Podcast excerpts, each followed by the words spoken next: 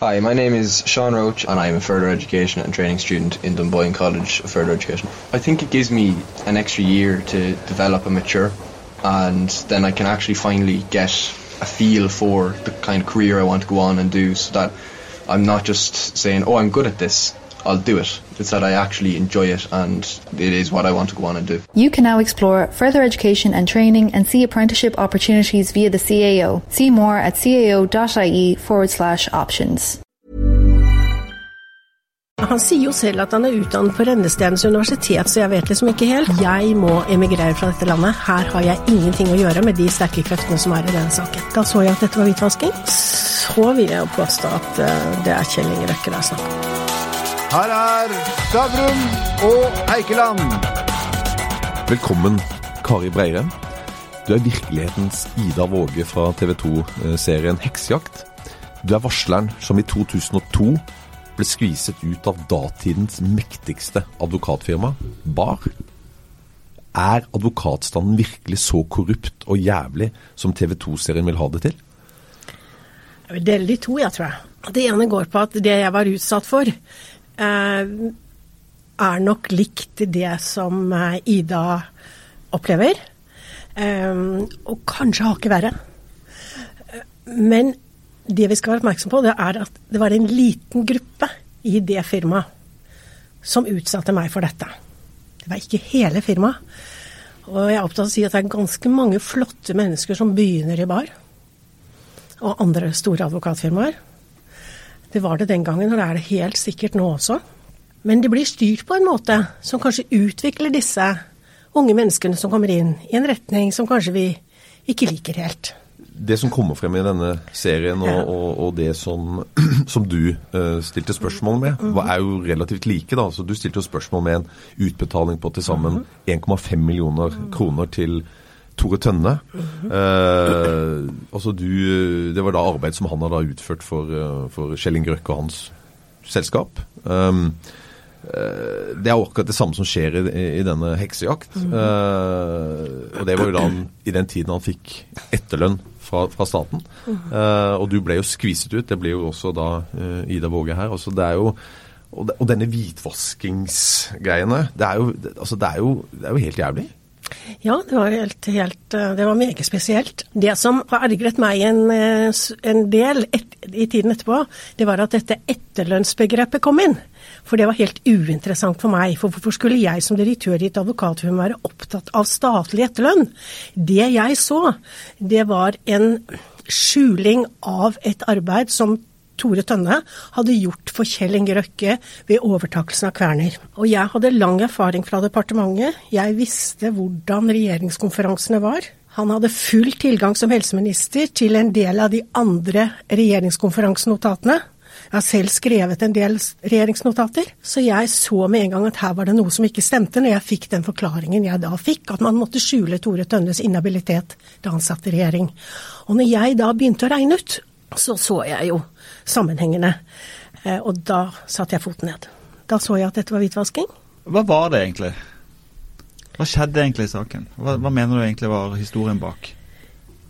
Historien bak var nok at uh, Nei, Det er vanskelig å uttale seg helt konkret om hva historien bak var, men forklaringen jeg fikk var i hvert fall at man skulle skjule Tore Tønnes inhabilitet da han satt i regjering. Og da kan ikke jeg trekke annen konklusjon enn at det var en lekkasje, for å si det forsiktig, i regjeringen ut mot næringslivet. Og at, at et advokatfirma var behjelpelig med det tilbake til deg den gangen. Altså du, du hadde jo da skaffa deg mektige fiender.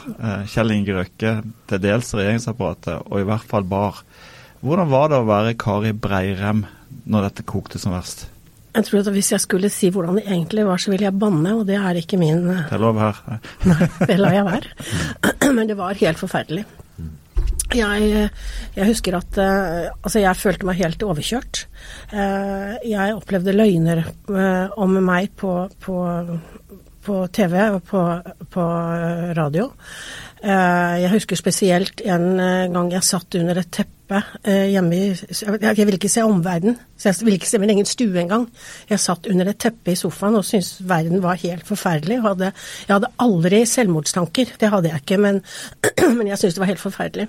På samme kvelden som jeg satt under dette teppet, så kom Rolf Johan Ringdal, som da var styreleder i BAR, ut og, for, og, omtalte meg med karakteristikker som var helt forferdelige. Da ble jeg sint, og det sinnet hjalp meg videre. For jeg syns at en sånn uttalelse, som de uttalelsene han kom med, kunne jeg ikke akseptere på den ene siden, og jeg kunne heller ikke akseptere at vi hadde et land der et advokatfirma kunne æreskjelle en person så løgnaktig som det det advokatfirmaet gjorde mot meg. Hva er det de sa da? Nei, altså de hadde jo da like før lagt fram den såkalte hviteboka, der jeg ble fremstilt som nærmest nevrotisk.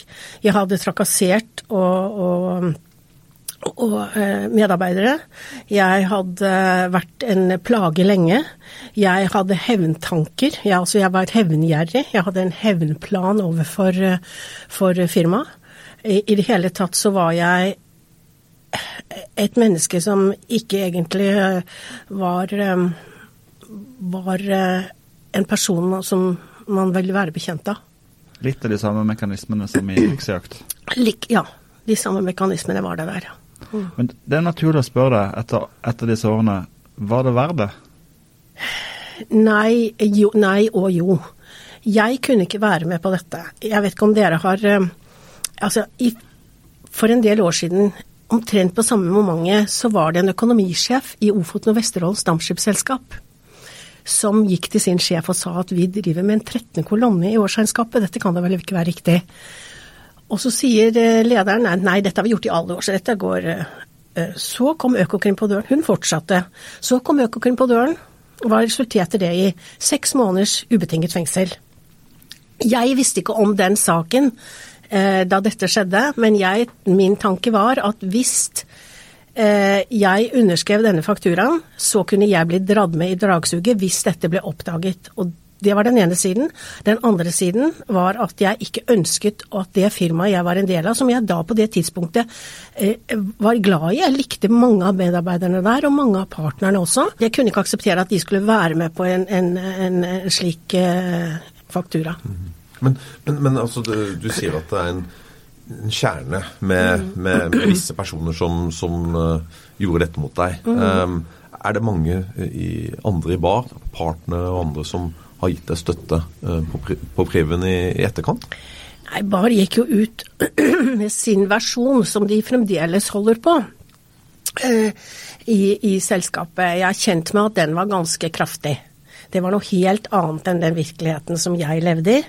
Sånn at veldig mange ansatte i bar turte jo ikke å ta kontakt med meg på bakgrunn av det, for de fikk jo en versjon som var For dem hørtes det tilforlatelig ut. Samtidig så var jeg nok der at jeg kjente selskapet så godt etter det jeg hadde vært igjennom, at jeg var veldig forsiktig med å ta kontakt med noen hvis jeg gikk forbi dem på, på gaten, fordi jeg var redd for at de skulle bli assosiert med meg. Mm. Så jeg heller ville verge dem mot en slik belastning. I ettertid så er det jo noen som har tatt kontakt med meg, da. Sist nå i vår. Du har jo mm. du har etterpå blitt uh, kjent som kanskje en av de som har stått sterkest på varsling, varslingssaken kan si, i Norge. Og Du jobber jo som advokat med bl.a. arbeidsrett i dag. Hva hadde du råda Kari Breirem til hadde hun kommet til deg i dag? Altså, I dag så vet vi veldig mye mer om varsling. ikke sant? Vi vet hvilke mekanismer som trår, trår til. Den gangen visste vi ikke noe. Hvis, hadde, hvis, jeg hadde kommet til meg selv i dag, for å si det sånn, så tror jeg nok jeg hadde eh, spurt om hvordan er ytringsklima, hvordan er kulturen i det firmaet du er i, hvilke, hvordan er nettverkene dine, hvordan er økonomien din, ser du for deg at du har muligheter til en annen jobb et annet sted? Altså tatt alle disse hard faksene som du har på, på bordet, før du da kan treffe treffe beslutningen. Og så er det viktig for meg å si at det er varsleren selv eller vedkommende som står i situasjonen som selv må treffe den. Det kan ikke jeg som advokat rådgi, jeg kan bare fortelle hva hun, hun eller han bør undersøke før man går i situasjonen. Du hadde ikke gått til Økokrim med papirene uten å spørre klienten? Nei, definitivt ikke. Men i, i din sak så, så var det Han gjorde det i samråd med deg, din advokat? Indirekte så gjorde han vel det. Ja. men, men, hvordan opplevde du, du Økokrim? Um, det var vel Erling Grimstad som var den ansvarlige der da. Mm, mm. Hvordan opplevde du uh, dem? Altså, jeg opplevde en, på en måte en slags todelt Økokrim. For jeg opplevde Erling Grimstad som meget ryddig og, og, og ordentlig. Eh, han kunne ikke gi meg noen beskyttelse, men han sa Han ga meg sine kontaktdata, og så sier han at du kan ringe til meg når som helst på hvilket tidspunkt i døgnet du har behov. Eh, men Økokrim som sådan kunne jo ikke gi meg noen beskyttelse av noe slag. Du gikk jo da ut, altså, du hadde jo Økokrim her, men du hadde jo også politikere. altså Når Tor Tønne ble involvert, og det var jo tragisk det som selvfølgelig skjedde, skjedde med ham og osv. Men, men det var jo politikere her som kanskje kritiserte deg. Eh, eller ikke kanskje, de gjorde det. Eh, du hadde da noen av Norges mektigste næringslivsledere som, som gjorde det, eller i hvert fall én.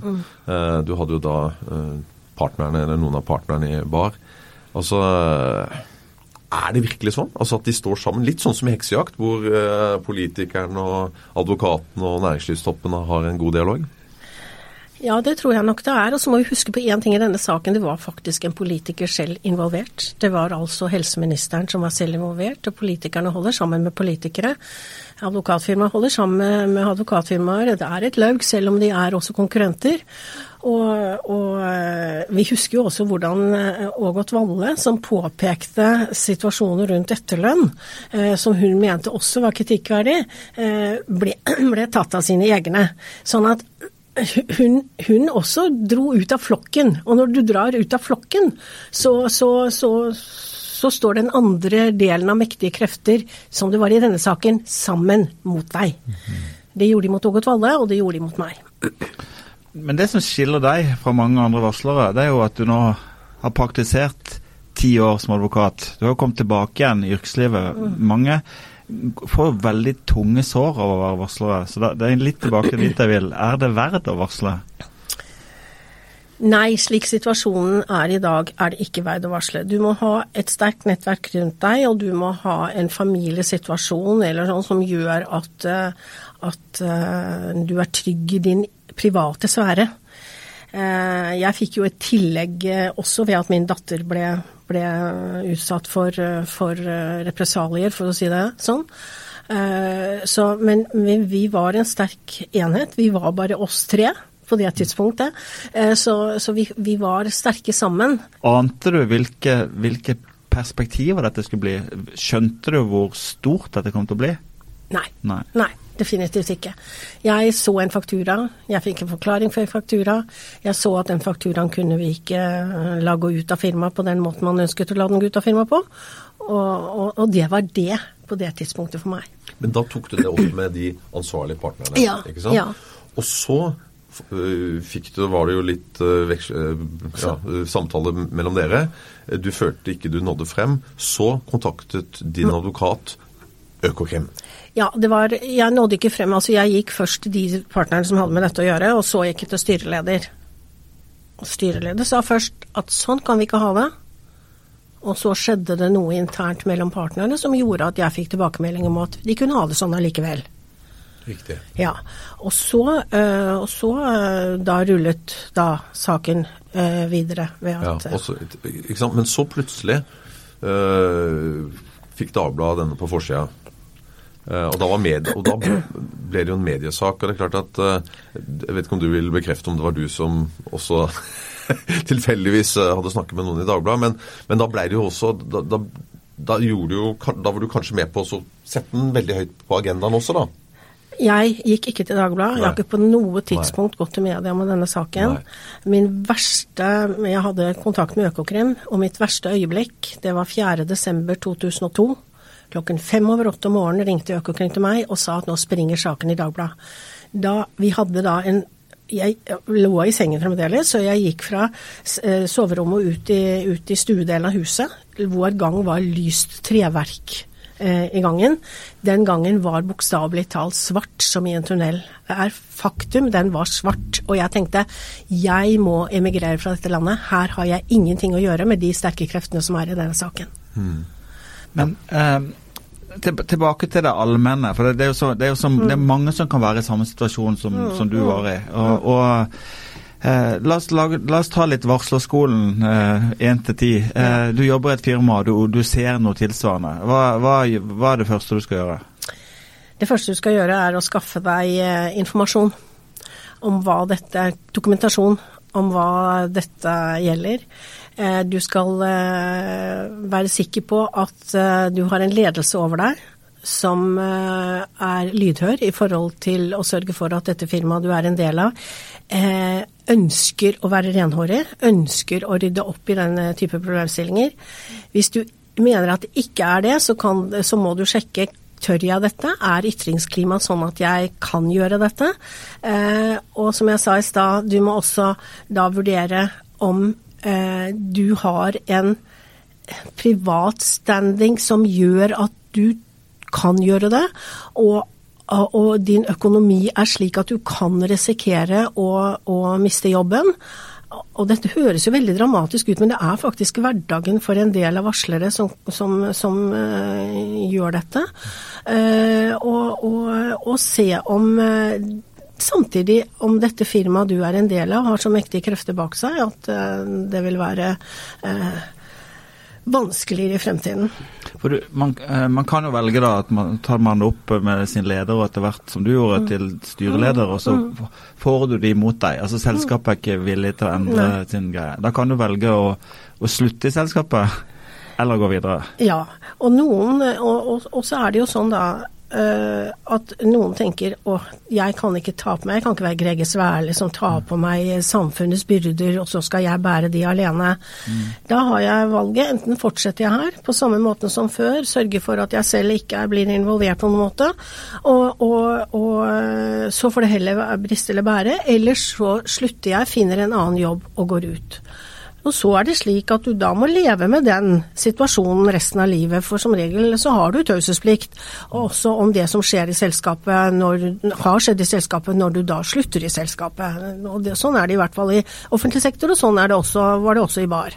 Så, eh, så, så, så det, det, er ikke så veldig mange valgene du har. Enten så blir du med på løpet og varsler, for å si det sånn, eller så, så finner du deg noe annet å gjøre. Men uansett, det første du skal gjøre, det er å skaffe deg dokumentasjon, dokumentasjon og dokumentasjon. Ja. Før du går i det hele tatt. For det, plutselig ja, kan du bli avskåret fra å få tilgang på uh, informasjon. Ja, det er den ene delen av det. Uh, uh, og det, det, var jo nødvendig for meg. Og i ettertid så har jo jeg skjønt at jeg blåste i fløyten allerede da. Mm. Fordi jeg, når jeg fikk forklaringen, så tenkte jeg at dette må jeg sjekke i forhold til de underliggende fakturaene.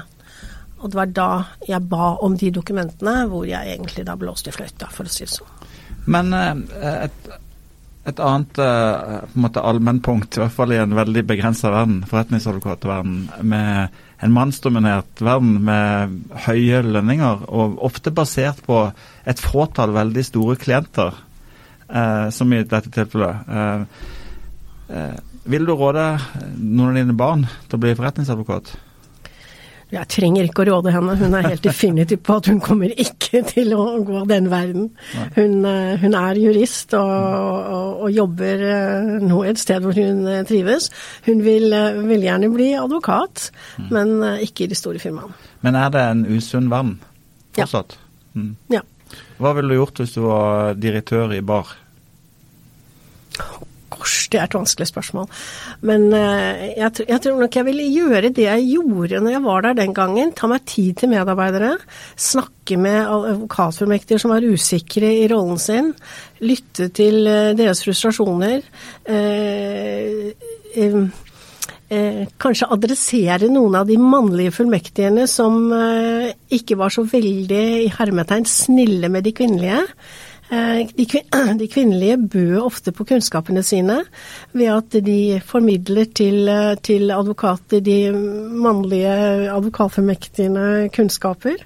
Og så var det de mannlige som skrev timene, og som ble plusset på og fikk bonus på bakgrunn av det. Så jeg tror nok jeg ville gitt uh, de kvinnene noen råd i forhold til, til det, ja. Men akkurat som i, i heksejakt, så var det én kunde som ga veldig mye igjen til til advokatfirma. Altså Blant annet i BA så var det jo en veldig stor. De hadde mange kunder, selvfølgelig. men Si det rett ut. Han heter Kjell Inge Røkke. Ja, han heter Kjell Inge Røkke. greit, greit. Uh, uh, men er, er, det en del av problemet? Altså, eh, de blir så mektige at de gjør alt for, for disse kundene. Jeg kan jo ikke si hvordan de andre advokatfirmaene er, det blir helt uh, umulig. Jeg, jeg opplever uh, utsiden av de andre advokatfirmaene, så jeg, det kan jeg ikke si noe om. Men uh, at Kjell Inge Røkke var en dominerende klient i bar, det er det ikke tvil om. Det kan man bare se på inn, inntjeningen fra Kjell Inge Røkke begynte i firmaet, og til jeg sluttet etter fire år, så var det jo ganske formidabel økning. Hvor er, det, hvor er det advokaten som jobber for Røkke, jobber han i dag? Ja, Så vidt jeg vet, så da kan jeg si Det vet så, du, Gunnar! så, jo, så vidt jeg vet, så jobber han i dag nær, nært Kjell Inge Røkke. Men, men øhm, øh, hvis vi tar for oss øh, heksejakt, da. Eh, det er jo mange, mange likhetstrekk mellom din sak og, og, og det som skjer i heksejakt. Ikke alt, men, men veldig mye. Ehm, har du vært med eh, og bidratt til eh, serien? Jeg vil si sånn at boken min på bar bakke har inspirert Siv og Anna til å lage denne serien. De tok kontakt med meg for tre år siden eh, for å få en prat, og jeg fikk tiltro til dem. De er veldig grundige og dyktige, og de visste jo mye mer enn det jeg i utgangspunktet hadde ant at utenverden visste. De hadde gjort allerede da en skikkelig research. Og etter nøye overveielse så fant jeg ut at ok, jeg kan være med på å gi dem litt mer input i forhold til, til, til dette. Så, så, ja. Eh, og hvis du ser på traileren, så står det konsulent Kari Breirum helt til slutt. Riktig. Men Per Eggen, han Ja. som da er milliardæren som står bak det hele, Ja. hvitvaskingsplottet osv., fins han i virkeligheten? Gud, nå spør du veldig vanskelig, altså. Eh, ja, det, det gjør han nok. Det finnes mer, flere, flere milliardærer i Norge som, som tror jeg kan, kan være på det sporet. Men, eh, men hvis, man, eh, hvis man ser slutten av serien, og man ser begynnelsen av serien og holder de to sammen med at noen snakker sammen, og vi fortsetter med å snakke sammen, så vil jeg jo påstå at eh, det er Kjell Inge Røkke det er snakk om. Det er mange gode skuespillere eh, som er med i Heksejakt. Mm. Det er det ikke noe tvil om. Eh, en er jo Mats Austdal, som gjør en fantastisk figur som eh, Per Eggen. Eh, hvis det skal lages en film om Kjell Inge Røkkes liv, ville Austdal gjort en god figur, tror du? Ja, fordi at han har den Han har den sindigheten utad. Samtidig som det kommer frem at han også har en annen figur innad. Eh, Det som jeg kanskje eh, er litt usikker på, det er at om han er for polert. Riktig. Så, så Røkke han er mer, eh, Ja, mer altså fiskmann? Ja, han er vel han, han sier jo selv at han er utdannet på Rennestedens universitet, så jeg vet liksom ikke helt. Men, men eh, altså, det sies jo eh, banneord om denne trøndergreia eh, greia i, i der, og det er uttrykk han også brukte om meg. Så noe av disse tingene kommer jo med, men det er vanskelig å si. Kanskje temperamentet Kanskje temperamentet burde vært litt større hos Austdal. Men han spiller en glimrende rolle, han gjør det. Men jeg, synes, jeg må påpeke at han som da eh, spiller eh, managing partner, han spiller glitrende. Og da spiller han Bjørn Gabriel Red. Jeg har lyst til å stille deg et, et siste spørsmål som jeg tror eh, mange lurer på. Er dette en hevnakt fra din side? Nei. Jeg har Jeg hadde kommet meg gjennom dette. Eh, jeg hadde kommet igjennom også at Bar forfulgte meg inn i Borgarting lagmannsrett, hvor jeg var direktør. Eh, Jeg hadde jobbet syv år som advokat, jeg hadde ro i sjelen, jeg hadde eh, godt, godt familieliv med barnebarn osv. Så, videre. så hadde ikke Siv og Anna tatt kontakt med meg, og jeg fikk en tiltro til at de ønsket å skrive om som så, eller skrive serie om varsling som sådan, men baserte seg, eller inspirerte, var inspirert av min bok, så hadde jeg ikke tenkt tanken på, på noe som helst. Jeg ville ha fred. Jeg ville rett og slett ha fred. jeg kunne heller ikke ha noen forutsetninger for å vite hvor mye i boken um, uh, av boken de ble inspirert av. Og jeg så uh, ikke noe av serien før den var så å si ferdig. Da så jeg én episode like før jul, og så var jeg på visningen av premieren av de to første episodene like før den ble sendt. Så jeg har ikke ja, Det, det har vært, ikke vært i mine tanker. Jeg har ikke sånne tanker. Jeg er ikke lada sånn.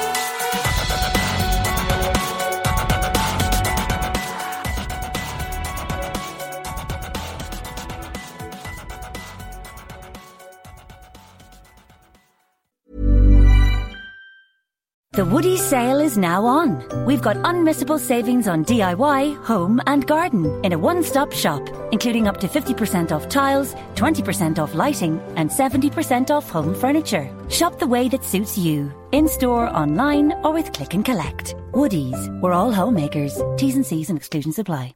Uh, my name is Eva Sheridan, and I'm doing the live performance course in Ballyfermot College of Further Education. I wasn't too sure exactly what I, what I wanted to do with my future, and I think that it was very good for that reason. Um, I'm just after finishing my leaving cert, so I thought that it would be a great idea to take that year to do something that I think I might be interested in doing to make sure that it is what I want to continue doing in the future. You can now explore further education and training and see apprenticeship opportunities via the CAO. See more at cao.ie forward slash options.